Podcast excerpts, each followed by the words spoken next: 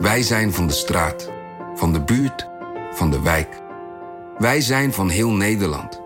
Samen zorgen we voor vrolijkheid, verbinding, feest. Samen brengen we in één jaar tijd 349 miljoen euro bij elkaar. Miljoenen waarmee onze goede doelenpartners de wereld groener, gezonder en rechtvaardiger kunnen maken. Nationale Postcode Loterij. Samen voor een betere wereld.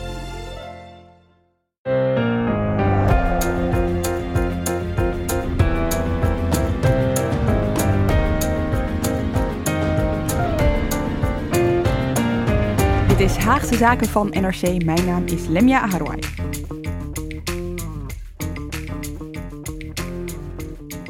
Het aftellen naar de Tweede Kamerverkiezingen in maart is begonnen en in Haagse zaaltjes wordt druk vergaderd over corona, over de toeslagenaffaire. Dat zijn toch de twee onderwerpen die nu de politieke agenda domineren. In deze Haagse zaken blikken we vooruit op de komende drie maanden, die waarschijnlijk minstens zo krankzinnig zullen zijn als de maanden die we achter ons hebben gelaten.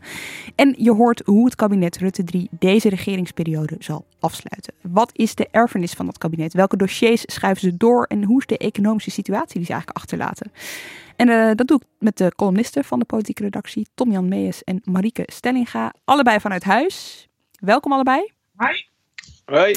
Gelukkig nieuwjaar. We kunnen elkaar alle drie niet uh, aankijken, dus dat wordt spannend het komende uur. Um, maar we zullen wel zien uh, uh, hoe het verloopt. Hebben jullie een beetje vakantie gehad, jongens? Ik wel, absoluut. Uitstekend. Ik heb zo'n goede vakantie gehad dat ik me afvraag hoe dit moet aflopen in deze podcast. Oh ja? Mijn hoofd is nog langzaam. Maar goed, we gaan het zien. Misschien werkt dit wel als een accelerator, weet je wel? Dat je aan het eind van deze aflevering juist supersnel weer kan denken. Oké, okay, voordat ik met jullie vooruit wil kijken naar volgend jaar, lijkt het me goed toch even eerst de balans op te maken. Uh, Marieke, um, jij bent hier regelmatig aangeschoven tijdens de coronacrisis over de enorme economische klap uh, die we te verduren hebben gehad. Hoe is het daar nu mee? Ja, fantastische vraag. En uh, daarmee ook een fascinerende tijd voor economen. Want dat is, eigenlijk is het eerlijk antwoord, dat weten we niet goed. Want er zijn dingen die uh, je blik verstoren en ontwikkelingen die economen ook niet kunnen voorzien. Zoals hoe gaat het verder met het virus? Uh, is dat nu besmettelijker geworden door de Britse variant? Uh, moeten we langer in lockdown? En wat je vooral het afgelopen jaar, een van de dingen die mij het meest opviel, is dat economen eigenlijk aan het begin van deze coronacrisis veel pessimistischer waren over de economische klap die daaruit zou volgen in maart, april, mei dan uh, ze uiteindelijk op het eind van het jaar zagen in de economie. Hè, de Nederlandse economie, maar ook andere, zijn eigenlijk veel sneller teruggeveerd in de zomer, in het uh, uh, derde kwartaal. En dat, ja, dat is eigenlijk veel minder, een veel minder harde klap geweest dan ze dachten. ook de werkloosheid is eigenlijk snel teruggeveerd, ook in Nederland. Niet helemaal, hè. er zijn nog steeds echt ja, mensen die uh, werkloos zijn geraakt. Uh, er zijn ook hele duidelijke verliezers van deze economische klap. Um, dan moet je ook vooral denken aan, en dat is altijd zo treurig, de meest kwetsbare mensen op de arbeidsmarkt, maar ook kwetsbare kinderen in uh, het onderwijs. En tegelijk ja, weet je ook dat heel veel bedrijven nu een beetje met hangen en wurgen nog overeind zijn gebleven. Die heel veel wel door de overheid zijn gesteund, maar de vraag is hoe lang zij het nog volhouden. En uh, ja, dat is de grote vraag waar economen nu de komende maanden naar kijken. Van, is dit nou het moment waarop veel bedrijven het toch niet gaan redden? Tot nu toe is het aantal faillissementen echt laag. Lager dan in de afgelopen twintig jaar. Lager dan tijdens economische bloeiperiodes. Dus dat laat ook zien hoe uitzonderlijk deze situatie is. Hoe groot de klap, maar ook hoe groot de overheidssteun. Precies. En ja, nu is de vraag, hoe gaat het verder? Ja, want er is natuurlijk een heleboel uitgesteld. Hè? Als je het gewoon heel klein maakt, bijvoorbeeld voor ondernemers die hun huur uh, later mogen betalen uh, in, in het jaar. Maar ja, er komt een moment dat die rekeningen toch wel uh, betaald moeten gaan worden. En dan is de vraag, overleven mensen het nou echt of niet? Ja, en ook ja, wie gaat het uiteindelijk overleven? Kijk, belasting is bijvoorbeeld ook uitgesteld. De ja. overheid heeft meteen veel bedrijven gezegd: je hoeft je belasting even niet te betalen. Nou, ze hebben daarvan besloten daar zeer coulant mee te zijn wanneer dat moet worden terugbetaald. Hè. Daar is een lange periode voor, ook nadat de lockdowns en de crisis uh, voorbij zijn, is uh, het plan. Maar ja, dat zijn natuurlijk wel rekeningen die boven het hoofd hangen. En daarvan zullen ze toch ondernemers in deze nieuwe lockdown, deze nieuwe maanden die, uh, waar de economie weer deels is gesloten, zich gaan berekenen van ja, heeft het nog zin om door te gaan? Hè? En dat is toch uh, Een vraag die weer opnieuw naar boven komt, uh, nu de lockdown langer duurt. En die veerkracht van de economie waar je het over had, had hè? Hoe, hoe komt dat? Hoe komt het dat, het, dat ja. de klap minder hard valt dan gedacht? Nou ja, het is een, wat van tevoren werd ge, meteen werd gezegd, dit is een crisis van buiten de economie. Dus je krijgt in een gezond economisch lichaam, bijvoorbeeld als de Nederlandse economie toch overwegend is, je kan er allemaal kanttekeningen bij plaatsen, maar toch, hè, de Nederlandse economie deed het goed, was in een bloeiperiode, die krijgt gewoon een enorme optaten van buiten. Dus zeg, je krijgt zo'n harde klap op je gezicht van een uh, voorbijganger op straat, je valt neer op de grond. Nou, als jij een gezond mens bent, dan zou je toch daarna, hè, nadat je dat verwerkt hebt, weer kunnen opstaan. Nou, de grote vraag waar economen mee zit is wanneer is die klap, slaat die wel in het lichaam? Hè? Dus wanneer brengt dat echt wel permanentere schade aan in het lichaam? Nou, de algemene verwachting is dat gaat gebeuren. En hoe langer de crisis duurt, hoe meer die schade zal zijn. Maar tot nu toe zijn ze toch verrast geweest over de schade die is aangericht in de eerste instantie. En uh, Nederland heeft daarbij echt, en dat ja, moet je toch ook zeggen, want uh, het kabinet krijgt, uh, denk ik terecht, veel kritiek op hoe zij dit virus hebben bestreden. en hoe de testen en het vaccin en al die dingen zijn verlopen. Maar Nederland heeft het goed gedaan, economisch gezien. Dus als je kijkt naar de klap en de dip die daaruit voortkwam en het weer opstaan, dan doet Nederland het eigenlijk als een van de betere van de westerse landen. dus zowel de klap is minder diep als het herstel is beter. Uh, Amerika ligt dicht bij ons, die heeft het ook verrassend goed gedaan. Mm -hmm. En daarna wordt het toch uh, heftiger in andere Europese landen. En dat is toch opvallend. En zitten we nou in een economische crisis? Want als ik jou zo hoor, denk ik, oh, het valt allemaal heel erg mee. ja, denk ik, vraag ik, stel hem toch nog maar even. Ja, dat is dan ook weer de verkeerde indruk. Want het valt natuurlijk niet mee. Hè. De verwachting is dat dit jaar de werkloosheid gaat oplopen, dat er meer faillissementen volgen. Uh, de ellende voor mensen komt vaak in de nasleep van de eerste klap. Uh, de voelbare ellende. Dus dat gaat zeker nog gebeuren. Uh, ja, ik zou zeker zeggen dat we in een economische crisis zitten. Anders had de overheid ook niet zo ongelooflijk veel geld uh, hoeven uitgeven om te voorkomen dat wij echt uh, op de grond zouden blijven liggen. Mm. en Nederland, ja, Nederland die heeft het goed gedaan, denk ik, door een aantal redenen. Eentje is dat wij gedigitaliseerd zijn als land. Dus wij zijn een diensteconomie waarbij het helpt als je goed uh, wifi-netwerk thuis hebt en daar goed op door kan werken. Dus dat deel van de economie heeft waarschijnlijk relatief goed. Dit zijn allemaal trouwens speculaties, moet allemaal nog worden uitgezocht. Maar dit zijn de eerste dingen waar economen uh, aan denken. Het tweede is dat onze economische structuur goed was voor deze klap. Dus wij hebben relatief minder toerisme dan bijvoorbeeld andere landen. Uh, en dus ook minder daar de gevolgen van. En het derde zou kunnen zijn dat onze overheidssteun redelijk royaal was, maar ook misschien wel heel goed gericht op uh, de plekken waar het nodig was. Tom-Jan, uh, officieel uh, begint Den Haag komende week weer met het nieuwe politieke jaar. Ze kwamen natuurlijk afgelopen week al even een paar keer bij elkaar. Kunnen we stellen dat de campagne al begonnen is? Ja, nou, kijk, campagnes beginnen, hebben geen officieel beginmomenten. Dat, dat is echt hoe je het zelf wilt zien. Maar je hebt de vuistregel, die luiden altijd. Uh, politici beginnen drie maanden voor de verkiezingen met de campagne, de media drie weken en de kiezer drie dagen. ik denk dat het inmiddels veranderd is in die zin dat voor drie moet je waarschijnlijk vijf of zo invullen. maar dat is, de, dat is het idee. Dus ja, nee, campagne campagne voeren is eigenlijk, maar dat heb je gezien aan de partijen die vorig jaar zomer allemaal een lijsttrekker mm aanwezen. En, en die lijsttrekkers die zeiden dan vervolgens dat ze dan een half jaar eerder al hadden besloten of ze het, al of ze het uh, gingen doen. Met andere woorden, in het hoofd van politici zit de campagne eigenlijk al heel lang. En in ons hoofd natuurlijk ook. Want ik zat uh, afgelopen week naar het uh, coronadebat te kijken. Extra ingelaste debat over de vaccinatiestrategie. En dan zag je bijvoorbeeld een Jesse Klaver tegenover Hugo de Jonge staan. Dat ging er zoveel aan toe ja, dat je die campagne even niet uit je hoofd kan krijgen. Dit zijn echt, dit zijn het weer een partijtje open deuren en, en antwoorden die ik al vier keer heb gekregen. Ik vraag om specifieke antwoorden. Dus wat is er gebeurd? Wie is hier op dit moment mee bezig? Met welke, met welke logistieke partijen is op dit moment contact? Hoe wordt ervoor gezorgd dat er voldoende uh, koelcapaciteit is? Welke stappen zijn daarin gezet? En dat wil ik gewoon precies zien, want de minister heeft altijd hele mooie woorden. En het komt goed. En kijk, we hebben dit gedaan, moeilijk en ingewikkeld. Het komt niet goed. Dat weten we nu wel. Het komt niet goed. En proberen de Kamer een beetje af te wimpelen en moeilijk zitten kijken en zuchtend en steunend als die moeilijke vragen krijgt. Geef eens een keer een concreet antwoord. Ongelooflijk. Uh, wij, uh, ik, zal, uh, ik zal de Kamer laten weten inderdaad welke stappen er allemaal gezet zijn. Want u zult onder de indruk zijn welke stappen inderdaad allemaal gezet zijn. De heer Wilders. Tussen kerst en oud en nieuw. De heer Wilders.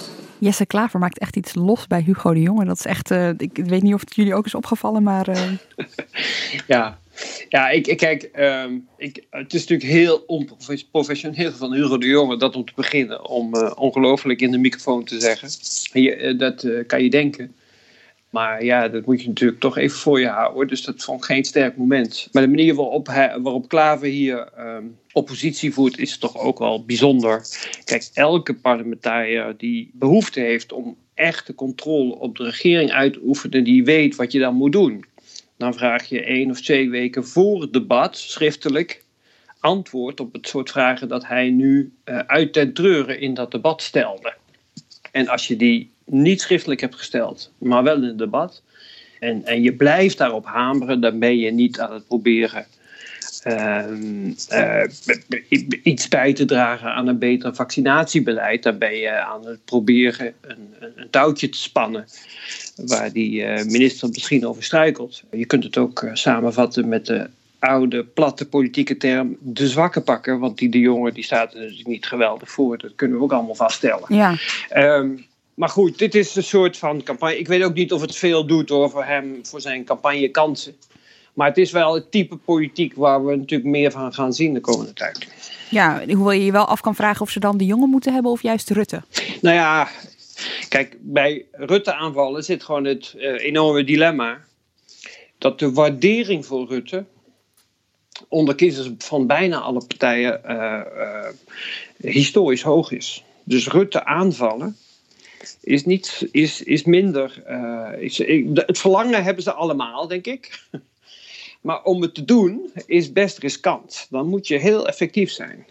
En dus is het ook wel logisch dat uh, mensen in de oppositie denken: ja, als we het kabinet moeten aanvallen, dan beginnen we bij de zwakste schakel. En dan ligt de jongen natuurlijk voor de hand. Dus die logica is er wel. Um, en uh, de, aanname dat je er beter van wordt. Um, kijk, iedereen zou Rutte willen verzwakken. Maar uh, uh, ik denk dat ook iedereen denkt dat ze hopen uh, dat anderen dat zullen doen. En dat zag je deze week ook in het debat. Want er werd wel ingezet op aanval op Rutte. Maar als hij dat dan afslaat, dan slaat het daarna dood. Nou, en dat is geen ja. toeval. Nee, het ging hem echt moeiteloos af eigenlijk. Hè? Want vooraf hè, deden wij natuurlijk ook even een belrondje. En al die oppositiepartijen die zeggen... ja, wij, uh, wij verleggen ons vizier nu uh, naar, uh, naar Rutte. ook interessant omdat hij nog wel lijsttrekker is. En Hugo de Jong natuurlijk niet meer voor het CDA. Maar ja, dan zit je zo'n debat te kijken. En dan, ja, bam, bam, bam. Hij, hij, hij ja, slaat gewoon allemaal van zich af. Nee, maar kijk, en dan gaat uh, Klaver, die gaat dus wel uh, op, op, op, op een heel hoog detailgehalte uh, op de jongen in. Maar kijk, Rutte laat die lopen. Maar dat is natuurlijk gewoon uh, uh, uh, de onmacht die het effect is van de hoge waardering voor Rutte. Ja, zo is het gewoon. Waar het is wel een aankondiging voor de campagne, ben ik bang. Hoe bedoel je dat? Nou ja, kijk. ehm, Kijk, je weet nooit hoe het, hoe het zal gaan. Dus er zijn geen garanties. maar als die, die waardering voor Rutte zo hoog blijft, dan wordt het voor de meeste partijen echt moeilijk Kijk, het beste voorbeeld is geweest Lodewijk Asscher. Die is, die is vanaf augustus vorig jaar uh, heel inhoudelijk uh, kritiek gaan leveren op het kabinet. Die heeft uh, achteraf zeer terecht, half augustus het kabinet teruggehaald van reces voor een debat over corona. Met als aanleiding, ik vrees dat we een tweede golf hebben. Wat doen jullie eigenlijk? Doen jullie wel iets? Nou, daar had hij, daar had hij zeker achteraf groot gelijk in tot dat moment zat Asscher uh, voor, op zijn persoonlijke waardering en de PvdA en de peilingen in een licht stijgende lijn. Vanaf ongeveer dat moment is hij gaan dalen. En dat laat precies het dilemma zien. Dus uh, als jij het kabinet, CQ de premier, te hard aanvalt. Uh, dat is de politieke realiteit van dit moment. Nogmaals, kan veranderen. Maar op dit moment is het zo: als je hem te hard aanvalt, dan heeft dat geen dan is dat niet nadelig voor de premier, maar voor jou.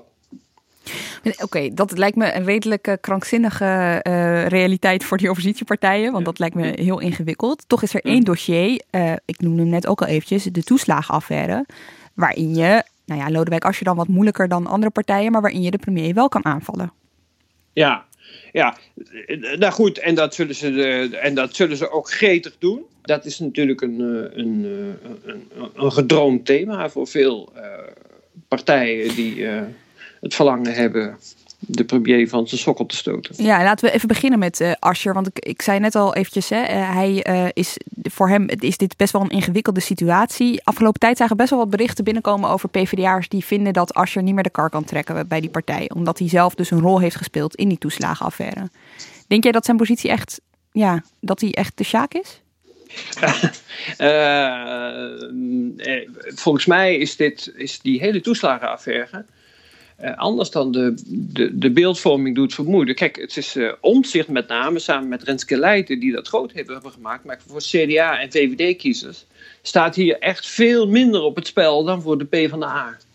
Want uh, ja, kijk, uitgerekend de PvdA heeft zich natuurlijk in zijn imago erg vereenzelvigd met de groep die hier het meest on, onder die affaire het meest geleden heeft.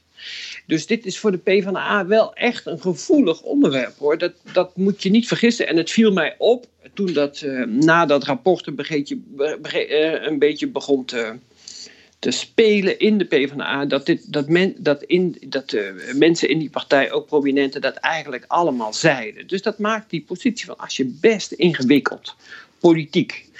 Uh, verder is de PvdA een eigenaardige partij in die zin. Die hebben eigenlijk altijd behoefte om uh, te morrelen aan de positie van de leider. Dat zit gewoon in de genen daar. Dus kijk, puur tactisch gezien is het natuurlijk dramatisch om een paar maanden voor de, voor de verkiezingen te een discussie te beginnen over de leider. Want ja, weet je, hoe het ook afloopt. Je, je, weet eigenlijk dat dat hem verzwakt. Dat is de ene kant. Aan de andere kant is het zo dat uh, als de, er is dan volgende week een congres en als hij de motie van, van afkeuring of wantrouwen, of hoe die heet, uh, overleeft, mm -hmm. dan heeft dat natuurlijk uh, voor het kabinet een heel paradoxaal effect. Want ik denk dat binnen het, dat er coalitiepartijen zijn die erop zinspelen, misschien zelfs op gespitst zijn dat het kabinet hierover valt. Maar uh, ja, het is natuurlijk uh, wel zo dat het voor uh, het kabinet ook interessant is dat de PvdA-leider, die, die voor een deel verantwoordelijk, verantwoordelijkheid draagt voor deze toestand, dat is gewoon zo dat die aanblijft. Dus ja, dat is een heel interessant dubbelzinnig gegeven. Maar er zijn coalitiepartijen die erop gebrand zijn of die erop gespitst zijn om jouw woorden te gebruiken om het kabinet hierover te laten vallen. Hmm, ja, dat denk ik wel, ja. ja. Kijk, ik, eh, dat, uh, ik, volgens mij zit het zo. Uh, kijk, tot en met de kerst heb ik het in detail bijgehouden. En ehm, toen was de situatie eigenlijk deze: dat je zag um, dat binnen, binnen het, het kabinet partijen dachten: dit kan wel eens verkeerd aflopen, dus laten we voorbereid zijn op het moment dat het verkeerd afloopt. Om te voorkomen dat wij uh, uh, achteraf de partij blijken te zijn die als laatste vroeg uh, om, om ermee op te houden. En, en dat, dat liet denk ik heel goed zien hoe gevaarlijk de situatie intern werd beleefd. Dus mensen dachten, ja, dit is zo'n onzekere toestand. wij weten niet hoe de anderen zich zullen gedragen. Ja, het is overigens goed om vast te stellen even. Mm-hmm. We spreken op vrijdagochtend, vrijdagmiddag, vanmiddag. Uh, als ik het goed heb, komt het kabinet met een eerste inhoudelijke reactie op, uh, op het uh, toeslagenrapport.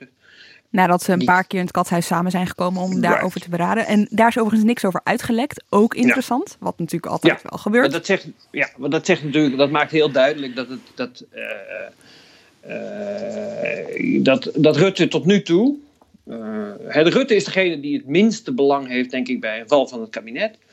Uh, dat Rutte tot nu toe de zaak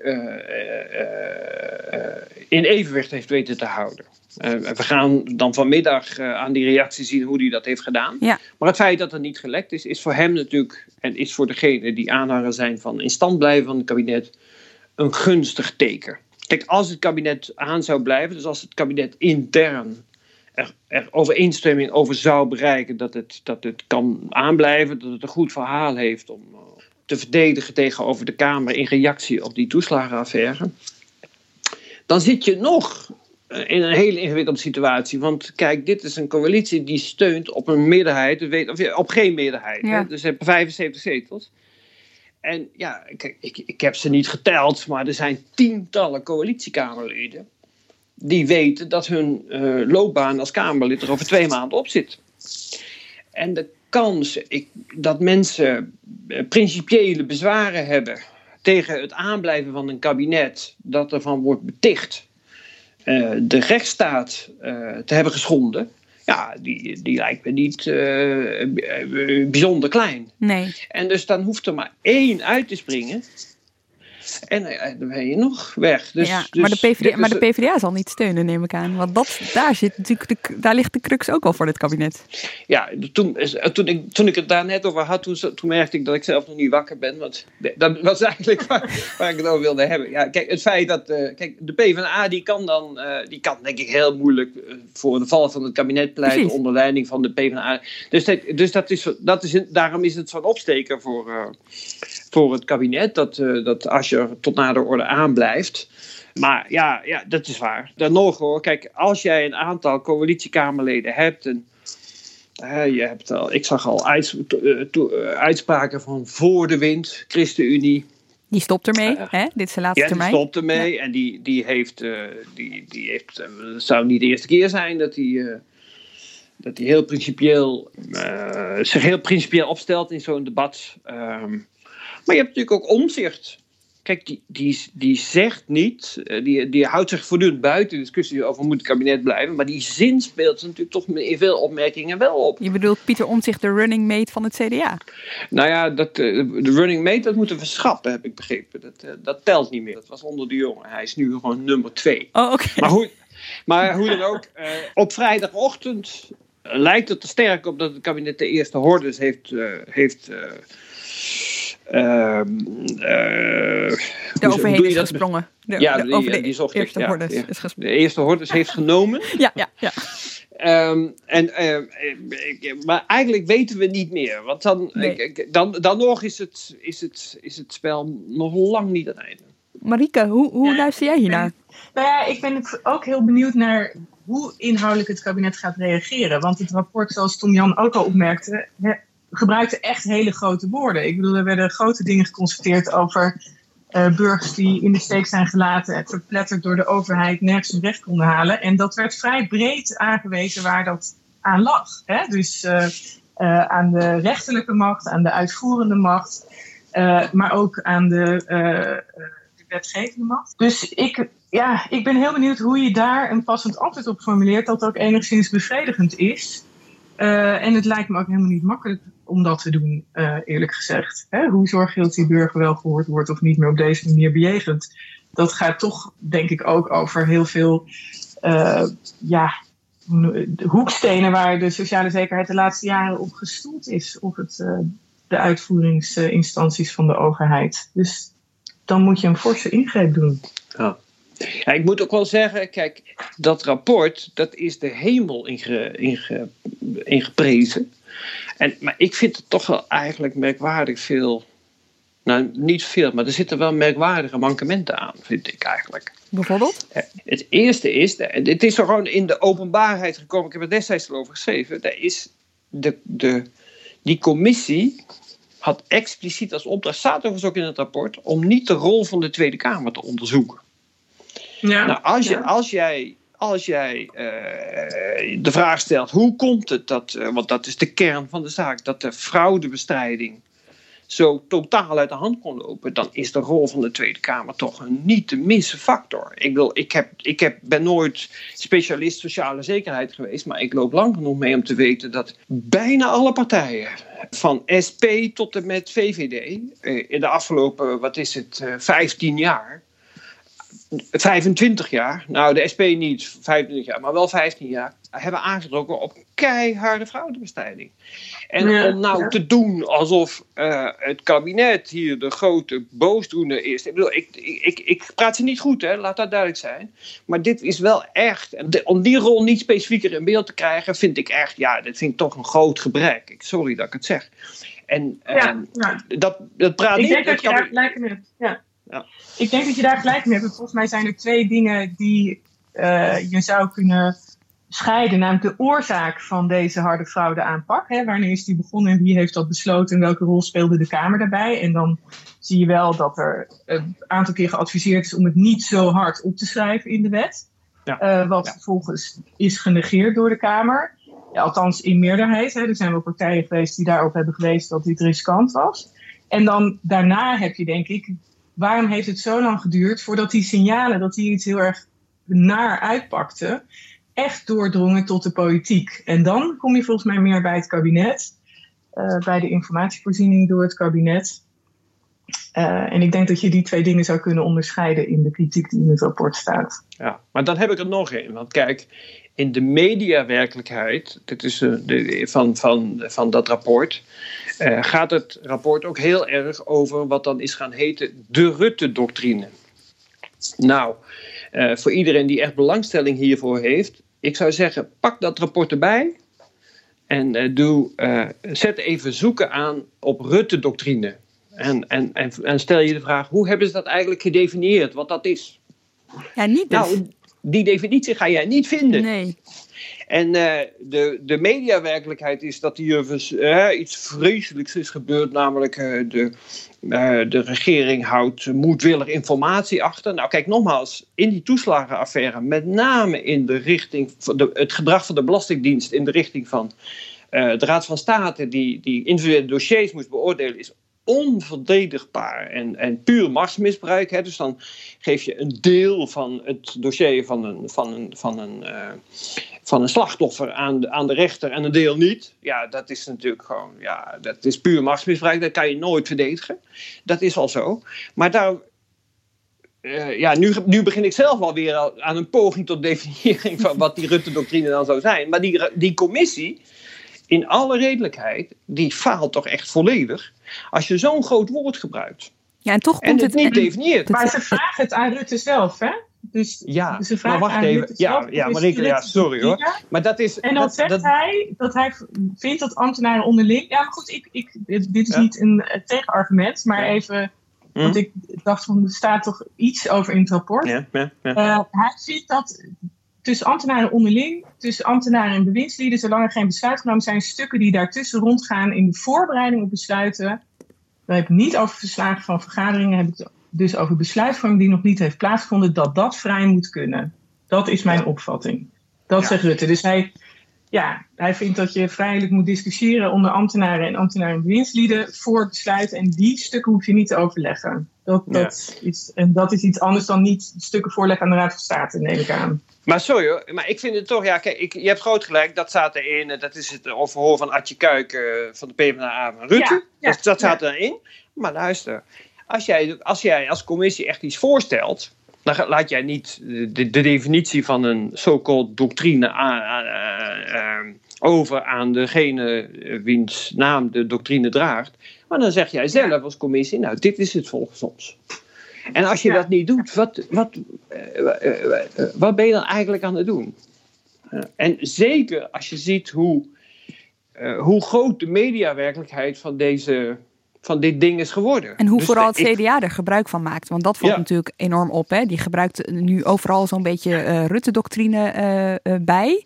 Zonder Mhm. dat dus, in jouw woorden, het gedefinieerd is wat het nou precies is. Het is een, het is Ja. een beeld dat geschapen is. Het is een beeld. En, en, en, en, en overigens nog één ander ding over wat Marieke net zei. Want daar heeft ze heel erg gelijk in. Dat die, Rutte heeft dan wel zelf een soort van definitie gegeven. Maar dat zit heel erg dicht bij iets dat elke journalist, maar ook elke burger eh, heeft ervaren als die ehm, een beroep doet op, eh, op stukken op grond van de wet openbaar bestuur. Dan zul je is in elke reactie ongeveer die je van de overheid krijgt, staat dan dat een deel van de stukken of alle stukken jou worden onthouden.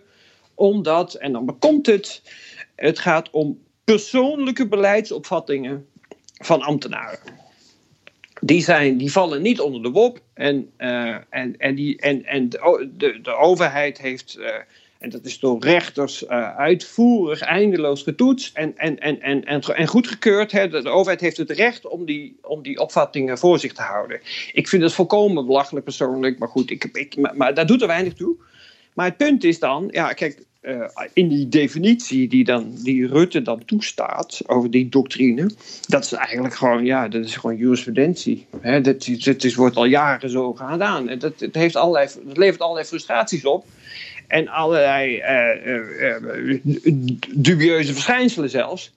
Maar het is, het is niet iets wat nou heel bijzonder is. Hè. Iedereen heeft dat, of nou, vele, vele honderden journalisten en burgers hebben meegemaakt dat op grond van deze overweging uh, stukken worden geweigerd. Dus hier, is niks, hier wordt niks bijzonders gemeld of zo. Zeg je nou, Tom Jan, van het is. Um, want je maakt bezwaar tegen de framing van Rutte-doctrine en dat daar alles onder valt wat hier is misgegaan.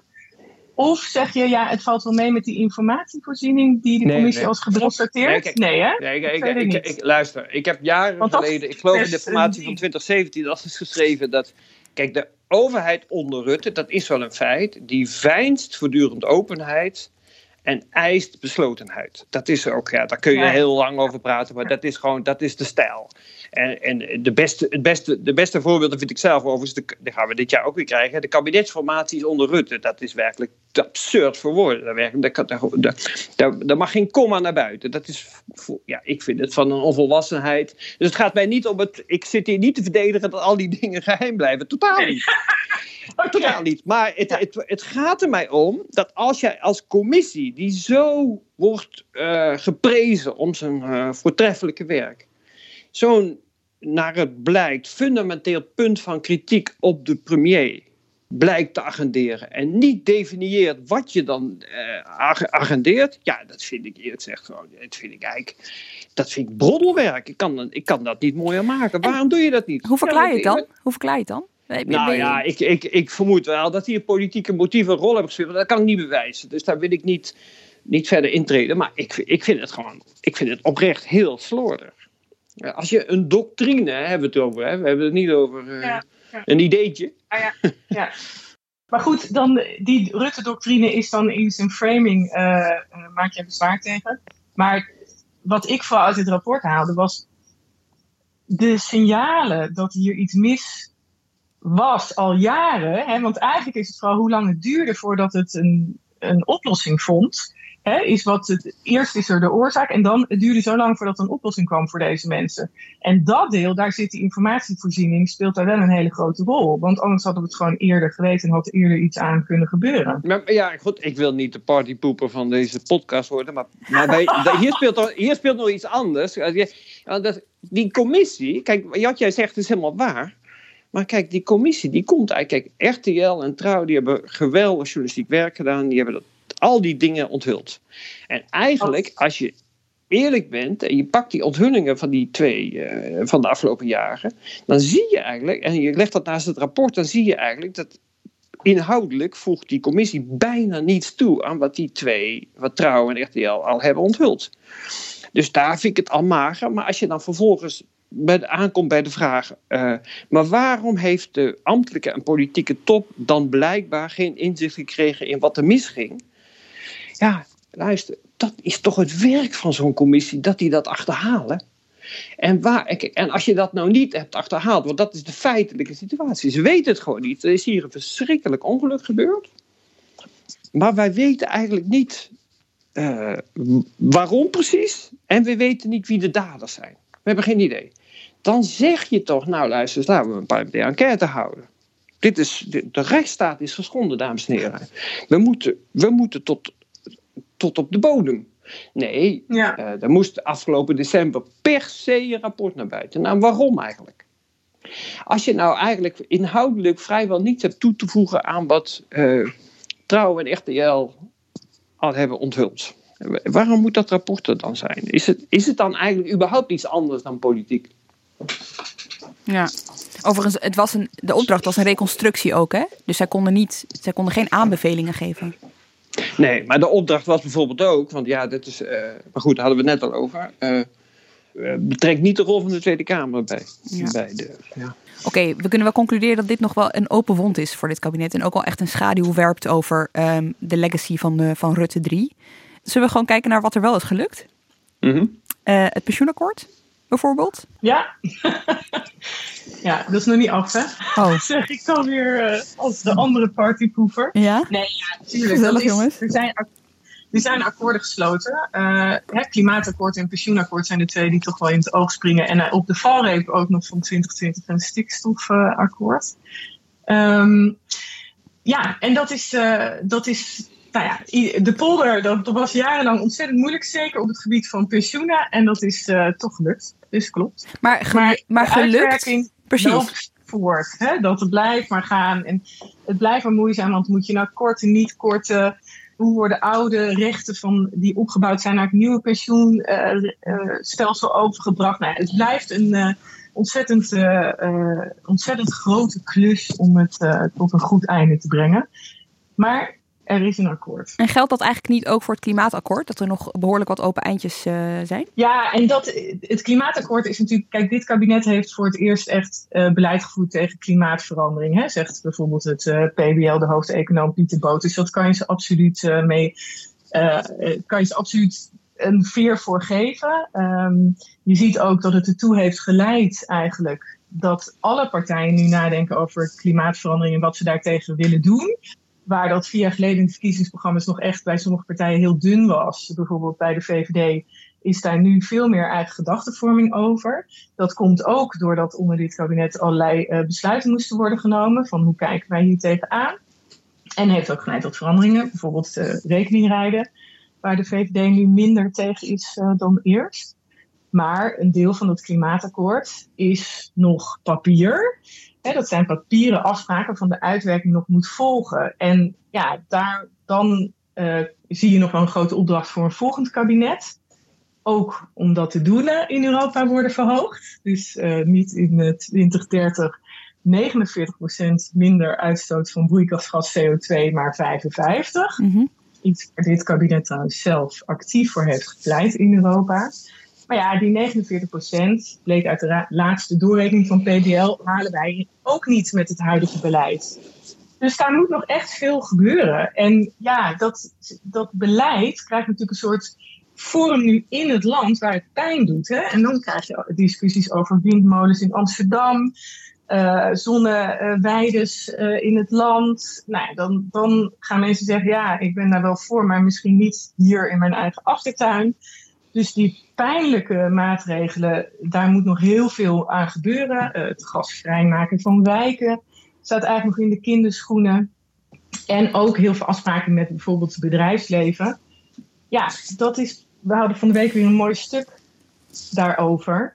Bedrijven hebben een aantal jaar geleden met de overheid afgesproken dat ze minder energie zouden gaan verbruiken. En daar hebben ze zelf baat bij, want dat levert ze geld op.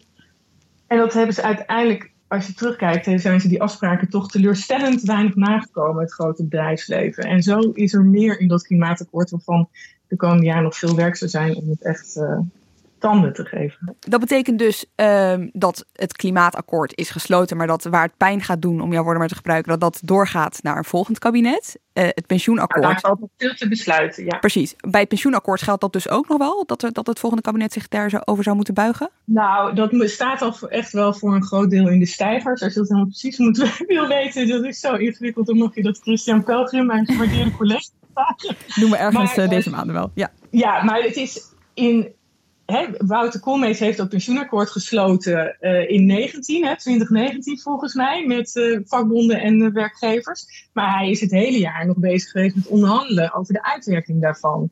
Dus ja, en nu komt er een, een voorstel aan. Maar het is, het is iets wat eindeloos in de details, omdat we zoveel pensioenfondsen hebben, waar allemaal andere situaties zijn, is het in de uitwerking nog steeds iets wat elke keer zal terugkomen. En dan was er ook nog een stikstofakkoord, Tom Jan, uh, met behulp van de SP gesloten. Ja. Stikstof was een alles overheersend probleem, hè, vorig jaar. Ja. Is, is dat Ja. probleem nu voorbij? Nee, wat me ja, kijk, eh, wat me, eerlijk gezegd dat het stikstofakkoord het meest is opgevallen is... Uh, nou ja, de rol van de SP was heel, wat je, je raakte aan, was heel bijzonder. Was voor, dat was voor het eerst dat de SP in zijn bestaan uh, dit, dit type akkoord met, het, uh, met uh, een kabinet Rutte sloot. Dus heel bijzonder. Wat zegt dat? nou, de SP wilde heel erg graag overbrengen het afgelopen half jaar dat ze serieus bereid is om, om mee te regeren. En dat, dat leidde bij allerlei mensen, inclusief ikzelf, tot sceptisch. Van, nou ja, dat kan je dan wel zeggen. Maar ja, ik, Marieke had het net over het pensioenakkoord. Ik, herinner me levendig dat uh, rond het pensioenakkoord uh, in 2018 en 19 uh, vanuit het kabinet eigenlijk best hoop was dat de SP vanuit de oppositie dat wilde steunen. omdat de bijzondere omstandigheid zich voordeed dat de belangrijkste onderhandelaar van de FNV uh, over dat pensioenakkoord, een man die heet Tuur Elzinga, die, die trouwens nu de voorzitter van FNW wordt, dat, dat, dat is een voormalige SP-senator. Dus de, het kabinet, Wouter Koolmees, dacht nou, dan kunnen wij misschien de SP betrekken hierbij. Nou, toen was daar geen sprake van. De SP wilde dat absoluut niet.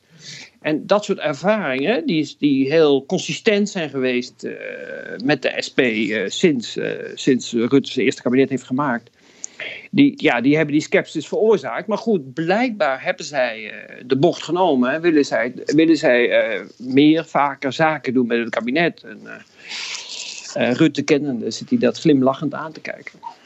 Ja, dus, maar goed, stikstof is dus nog wel iets waar we nog niet helemaal ja. vanaf zijn. Ja, en, ja, ja, zeg maar het dat- probleem en stikstof. Ja, heel, nou, heel belangrijk om even snel vast te stellen. Dat akkoord, dat doet iets wat, wat het principe was van de regeling die door de Raad van State is afgewezen. Je gaat uit van, van prestaties die nog geleverd moeten worden. Die boek je al in en dan hoop je dat dat er ook van, van komt. En ja, dat is toch een hele wankele basis, denk ik. Dus ik, ik, het is goed voor Carola Schouten dat het, dat het uiteindelijk iets is geworden. Maar ik, uh, ik, ik denk niet dat dit het heel toekomstbestendig is, eerlijk gezegd. Nee, dus uh, die kunnen we toevoegen Ja, en aan dit- dat rijtje aan op de formatietafel. Uh, uh, Marieke? Nou ja, dit is wel een. Als je terugkijkt naar klimaatbeleid of nou ja, het stikstofbeleid.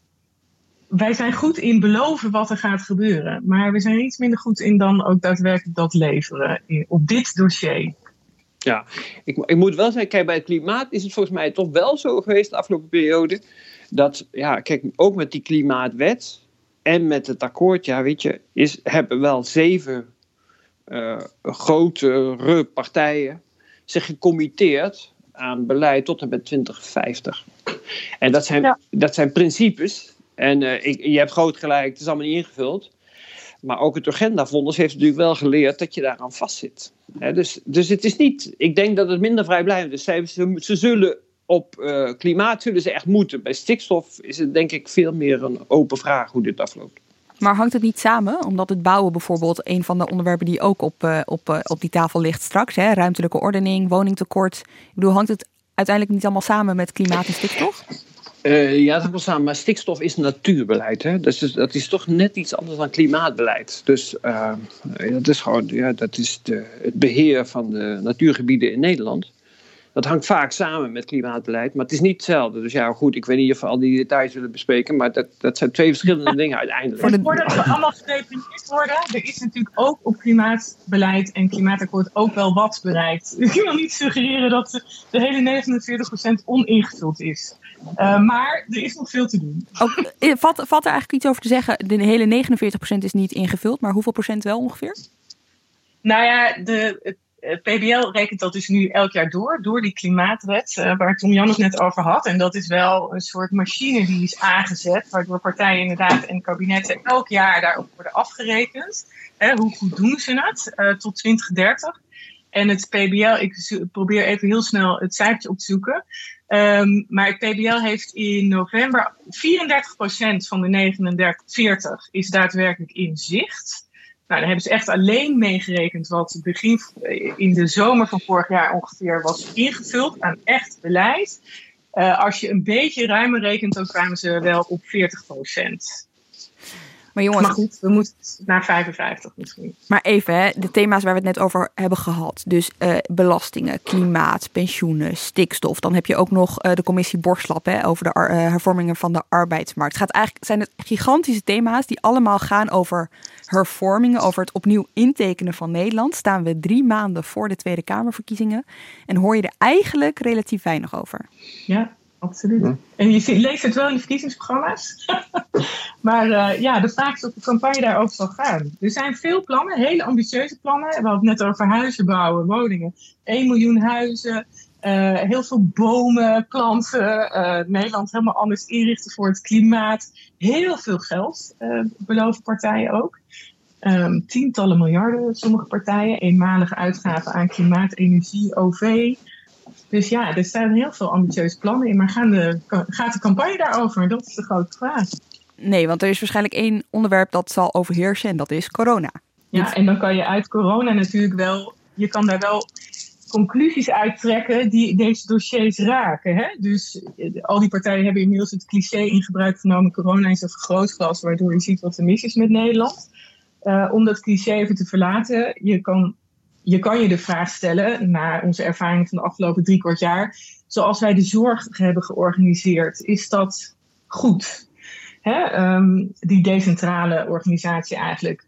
Zijn er partijen die daar conclusies uit gaan trekken dat dat anders moet? Hebben we daar voldoende buffers in de zorg, bijvoorbeeld IC-bedden of mm -hmm. andere dingen? Maar ook de arbeidsmarkt en het belastingstelsel. Je hoort partijen praten over de schokbestendigheid van de economie. Als je zoveel ZZP'ers moet steunen, zijn dat dan eigenlijk wel zelfstandigen. Dus ja, je kan die dossiers verbinden aan corona. Ja, het is in ieder geval voorlopig, zeg ik er wel eventjes bij, voor één partij, uh, minstens één partij, wel goed nieuws om het alleen over corona te hebben, hè, Tom Jan? Dat is de VVD.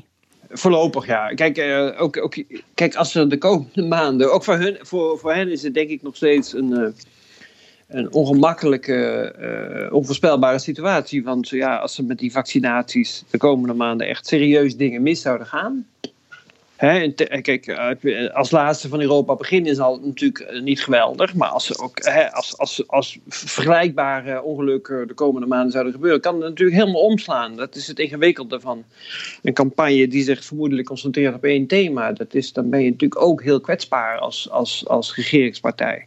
Maar tot, nu toe, uh, maar tot nu toe is het vooral het CDA dat steeds die klappen opvangt, toch? Het, het glijdt redelijk makkelijk van, uh, van Rutte af. Nou ja, dat is, ja, dat is ook zo. Ja. Dus uh, nogmaals, de, de, de waarderingscijfers, uh, en ik baseer me hier op Ipsos niet omdat ik uh, niet andere bureaus wil noemen, maar omdat ik, die ken ik in detail, die cijfers. Ja, wat zie je daar? De, de waarderingscijfers voor Rutte zijn gewoon spectaculair hoog. He, dus die, een, een waardering voor een premier heeft normale waarderingscijfers zo van tussen de ja, zo, het zit zelden gaat het boven de 50. Hè, dat is altijd zo. Dat, want ik, in Nederland uh, hebben we nu helemaal geen meerderheidspartij. Dus de meeste kiezers die, die, die vinden een. Die, het komt uit als je de vraag stelt wie, wie is de ideale premier. Ja, dan heb je gewoon. Dan is hetzelfde zo dat een, een leider, een, zittende premier, ja, die zo 30, 40 haalt, dan is dat dus al gezond. Mhm. Mm -hmm. Maar Rutte die is ruim boven, boven de 50, boven de 60 op enig moment. Ik weet niet hoe de stand van zaken op dit moment is, zo uit mijn hoofd. Maar die is echt heel hoog gekomen. Ja, en dan. dan, dan uh, en dat is allemaal, want het, en dat is allemaal corona-effect. Want die cijfers zijn zo hoog geworden vanaf het moment dat hij met de jongen die, die gezamenlijke persconferenties is gaan geven.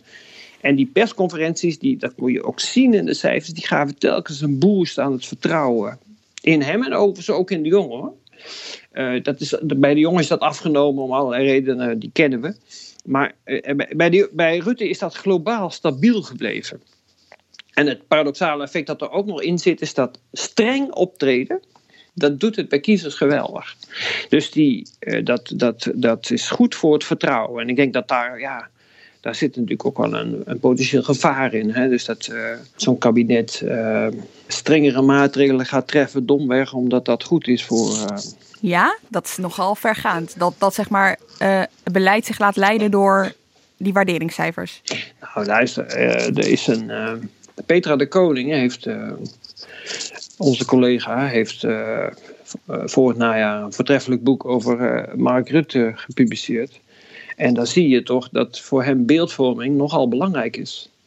Een jaar eerder heeft een journalist van Elsevier, uh, die, die jaren voor de VVD heeft gewerkt, althans het wetenschappelijk instituut van de VVD, Gerry van der List, een boek over de VVD geschreven. En die schrijft beschrijft daarin dat de VVD in zijn beleving, en hij kan het weten, want hij heeft voor die partij gewerkt, uh, een campagnemachine is geworden. Uh, onder Rutte. Nou, ik, ik, kijk, dat in, dat in campagnetijd vervolgens uh, coronabestrijding en campagne met elkaar in elkaar overlopen ja, het, ik, ja, weet je, je kunt er tegen zijn, zeker, zou ik ook, ben ik ook. Maar ik denk dat dat een bijna onvermijdelijke ontwikkeling is. En, dat, en overigens geldt dat niet alleen voor het kabinet. Dat, hè, we hadden het eerder ja. over klaar voor deze week. Daar geldt dat natuurlijk ook voor. Dus iedereen denkt er zo over. Dat kun je vervelend vinden, maar ik denk wel dat dat gewoon een realiteit is. En um, voor de VVD tot nu toe uh, gaat het best wel lekker. Hè? Met, uh, uh, ondanks of dankzij het coronabeleid, is maar hoe je het bekijkt. En voor het CDA constateren we net al eventjes, die lijkt er nog wat, wat minder van te profiteren. De rol tussen die twee, of de manier waarop ze elkaar vasthouden, vind ik ook nog wel even interessant om te bespreken. Uh, want ze staan er natuurlijk zij aan zij, hè? Uh, Rutte en, uh, en de jongen. Er moet een moment komen dat het CDA en de VVD zich nadrukkelijker tegen elkaar af gaan zetten. En dat zagen we al een beetje gebeuren de afgelopen weken, maar dan vooral vanaf één kant, namelijk van het CDA. Die dus inderdaad de Rutte-doctrine heel nadrukkelijk overal probeert te noemen. Maar van de andere kant, van de VVD, zie ik dat eigenlijk nog niet echt gebeuren. Nee, maar kijk, de, de, de VVD die wil, die, die zet bij deze cijfers voor Rutte, die zet hij natuurlijk in op een coronacampagne. Uh, dus dat is ook logisch en dan, wil je, dan doe je dat allemaal niet. En, uh, maar goed, bij de VVD zie je natuurlijk wel wat er gebeurt. Ik heb Wopke Hoekstra, elke, elke, voor elke camera waarvoor hij zit of staat, begint hij over Lieselot.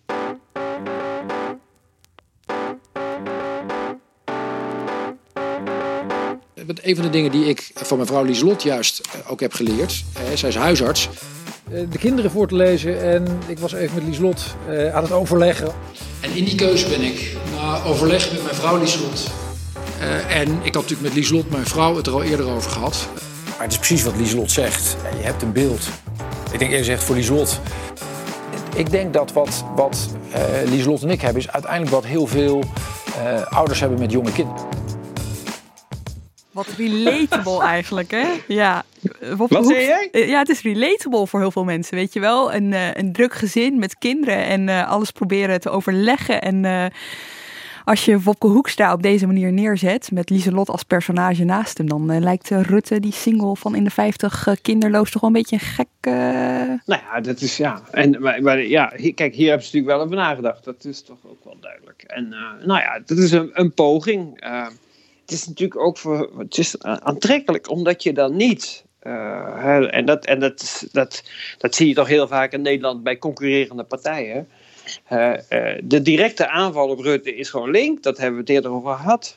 Maar dit is natuurlijk toch een interessante manier om, om, het, om, om, om het, het verschil te definiëren.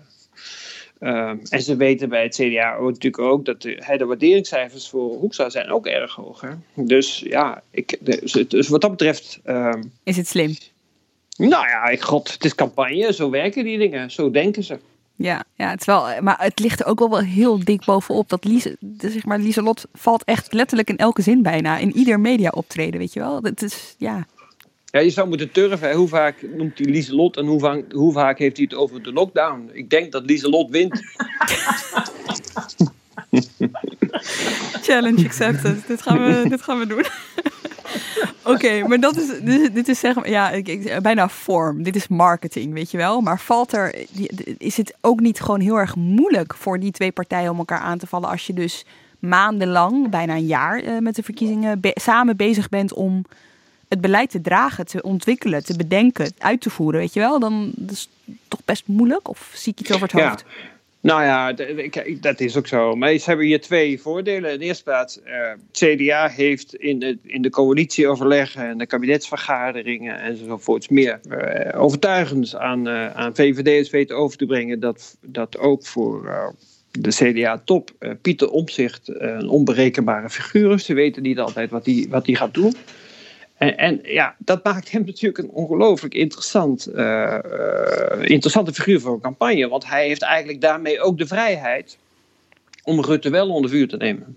En in die toeslagenaffaire, we hebben het over gehad, gebeurt dat ook uh, voortdurend. En, en daar heeft hij de vrijheid. En het andere wat hij omzicht ook heeft gedaan, en dat is campagne technisch ook heel interessant. En dat is ook klassiek. Hij heeft een uh, campagne technisch klassiek. Die, is, hij heeft natuurlijk eigenlijk een bondje met de SP, met, met, met Renske Leijten. Mm -hmm. En de aanvallen die hij persoonlijk niet kan doen, die kan zij vaak wel doen. Dus, en, en ja, dat is, zo werken campagnes in Nederland heel vaak zo. Dus uh, je, je, je moet ervoor zorgen dat je een oppositiepartij hebt. Als je in de coalitie zit en je, en je kiezers die hebben hoge waardering voor. Uh, CDA-kiezers hebben relatief hoge waardering voor, VVD, uh, voor de VVD. Dus dat is voor het CDA zeer onaantrekkelijk om de VVD aan te vallen, ook om die reden. Maar dan is het voor het CDA heel aantrekkelijk om een oppositiepartij te hebben die die, die, die aanvallen wel pleegt. En daarmee in beeld komt. Nou ja, kijk, en, en in het hoofd van CDA zit eigenlijk altijd nog dit. Jan-Peter Balkenende is premier geworden omdat het CDA een niet-aanvalsverdrag met Pim Fortuyn had. Dus Pim Fortuyn die ramde erop bij de VVD en de PvdA. En viel nooit het CDA aan en uiteindelijk werd het CDA daarmee de grootste partij. En zo kun je ja, zo werken campagnes. Hè? Dus het is eigenlijk altijd, het gaat er nooit om in, wie degene is die aanvalt. Het gaat er altijd om dat jij ervoor zorgt dat jouw tegenstander wordt aangevallen. Ja. Jouw electorale tegenstander. Wat, wat, wat me ook nog opviel, hè, want jij noemde net uh, de CDA'ers die hebben veel waardering voor, uh, voor de VVD, zei je hè? Klopt dat? Mm -hmm. ja. Mm -hmm. ja. Ja, ja, Ik, ik, zat laat, ik zat in het reces. Uh, Wopke Hoekstra heeft natuurlijk uh, een, een mega snel rondje gedaan langs alle afdelingen digitaal om zich te presenteren. Mm -hmm. En er was een CDA zo slim om de uitnodiging inclusief link en wachtwoord te twitteren. Uh, dus uh, jullie kunnen wel raden wat ik uh, op een doordeweekse avond heb gedaan tijdens het reces. En het viel mij op dat hij, hij zat daar eigenlijk een VVD-verhaal te vertellen. Dat ging echt hmm. nadrukkelijk over veiligheid bijvoorbeeld. Dat ging heel nadrukkelijk over de middenklasse. Een thema dat de VVD toch wel omarmd heeft, omarmd heeft de afgelopen maanden. Dus ik zat daarnaar te kijken en ik dacht echt... goh, ja, dit kan best interessant worden als hij ja, een, een, een CDA-programma heeft... dat toch ook wel uh, VVD'ers kan aanspreken. Ik zat ook bijvoorbeeld te kijken naar de bestuursamendementen. Op zaterdag uh, is het congres van het CDA. En uh, Wopke Hoekstra heeft in, heeft in, overleg met het bestuur een aantal amendementen toegevoegd aan het verkiezingsprogramma. Zodat het ook iets meer zijn verkiezingsprogramma zou worden. dan zie je bijvoorbeeld dat waar er in het verkiezingsprogramma stonden, overigens, hier moet dus nog over gestemd worden. Dus of, het, of CDA's er ook mee akkoord gaan, dat moeten we nog maar zien. Maar daar zie je bijvoorbeeld dat artikel 23 hij een zin heeft gewijzigd. En die luidt: mm. Daarmee beschermen wij de ruimte voor bijzondere scholen om zelf invulling te geven aan het onderwijs op basis van godsdienst of levensovertuiging. Mm. En hij heeft eraan toegevoegd: Dit artikel van de grondwet mag geen vrijbrief zijn voor de intolerantie of inperking van elkaars rechten op scholen. Weet je wel, het zit in dat mm. soort.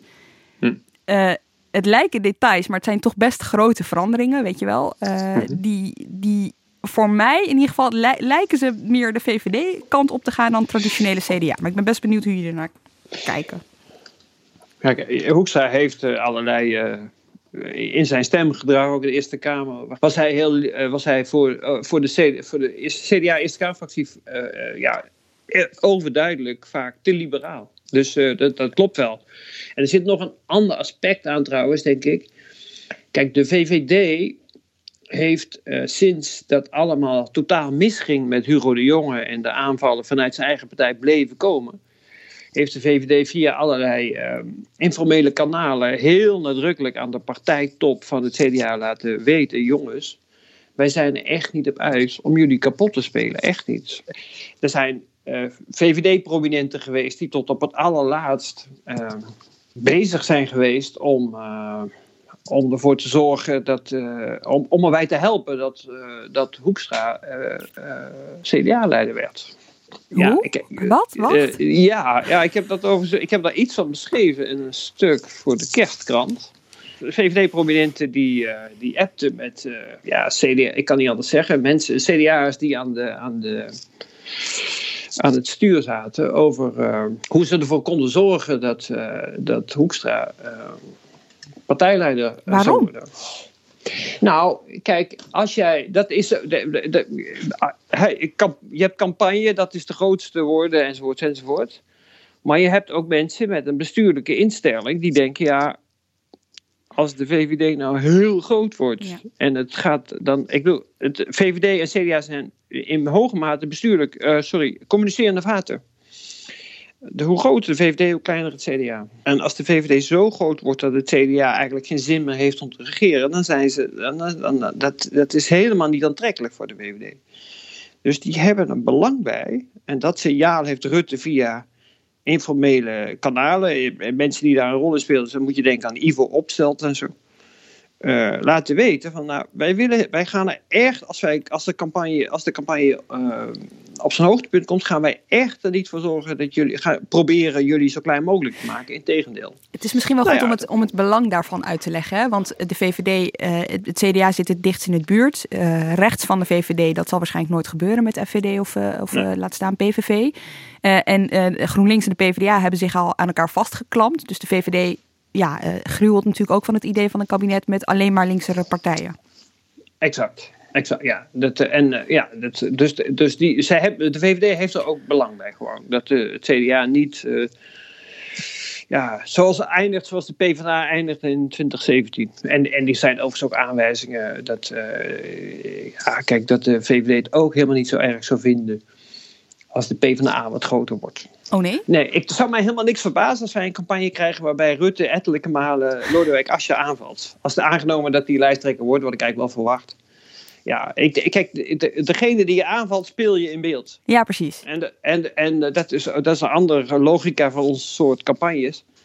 En eh, ja, dat, dat, eh, ik, ik, zij hebben er gewoon. zij willen natuurlijk een, een, een, een bestuurlijke omgeving bewaren. En met CDA en, VV, en PvdA heb je dat. En met, en met kleinere partijen is dat natuurlijk gewoon echt ingewikkelder. Dat is. eh, Oké, wij gaan turven Tom-Jan hoe vaak ehm Wopke Hoekstra Lieselot noemt en hoe vaak hij de lockdown noemt. En we gaan turven hoe vaak Rutte Asscher aanvalt. Marieke, waar ga jij op letten? De toeslagen ga ik zeker opletten, de uitkomst van eh, hoe het kabinet reageert. Maar ook ja, de economie. Hè, hoe gaat het nu verder? En dat is eh, fascinerend, omdat ja, er is alle reden om een beetje pessimistisch te zijn voor de komende maanden. En ja, ook waar we het over hadden, hè, bedrijven die het niet redden of zombiebedrijven die tot nu toe overeind zijn gehouden, maar toch uiteindelijk eh, sneuvelen. Maar tegelijk verwachten economen veel van al het geld dat is klaargezet. Dat als dit over is in de zomer, ongeveer, hè, ik eh, zeg maar wat, dat dan vrij kan komen en een enorme boost aan de economie zou kunnen geven. En dan heb ik het over huishoudens, want er zijn natuurlijk allerlei mensen die nu wel thuiswerken, maar wel hun baan hebben behouden en eigenlijk genoeg geld hebben om uit te geven, maar het niet kunnen uitgeven, omdat ze niet op reis kunnen of niet naar het restaurant kunnen. En eh, je ziet het ook in Nederland, spaargeld neemt enorm toe. Dus dat is geld dat achter de dam staat om eh, losgelaten te worden als het beter gaat. Maar ook overheden, hè? het Europees Herstelfonds waarin heel veel geld zit, 750 miljard. Nou alle partijen in Nederland, het Wiebesfonds wat is klaargezet. Alle politieke partijen die tientallen miljarden willen uitgeven. Nou, Joe Biden, je zag toen gisteren het uh, kapitool werd bestormd, dat de beurzen stegen omdat hij won in Georgia, omdat hij, hem dat een meerderheid geeft in uh, het parlement in Amerika en hij daardoor kan uitgeven. Uh, dat werd uh, door de beurs als goed nieuws gezien. Hij kan ongehinderd zijn, uh, of ongehinderd is niet helemaal waar, want er zijn allemaal politieke kanttekeningen bij te maken. Maar goed, hij kan in theorie geld gaan uitgeven en dat wil hij ook. Dus ja, je zou kunnen zien dat je ongeveer rond de zomer een gecoördineerde uitgavenboost krijgt die die economie enorm stimuleert. En ja, als dan in de weg daar naartoe niet super veel nieuwe schade is aangericht, dan uh, is het misschien nog wel een jaar dat hoopvol eindigt. Maar dat is een grote misschien. Maar ik, ik blijf even hangen bij het woord hoopvol gewoon. Gewoon voor mijn eigen gemoed. Dank jullie wel, Marieke ja. Stellinga en Tom-Jan Meijers. Jij ook weer bedankt voor het luisteren. Vanaf deze week begint Haagse Zaken dus gewoon weer met de reguliere afleveringen. Je kunt ons onder andere vinden in de NRC Audio app. En daar vind je ook andere podcasts die exclusief daar te beluisteren zijn. Zoals de keerzijde over topsporters die verloren op het ultieme moment in hun carrière. Ook vind je daar ingesproken columns en je kunt je eigen podcast die je sowieso al luisterde terugvinden in die app. Redactie en productie van deze aflevering door Iris Verhulsdonk. Volgende week zijn we er weer. Tot dan!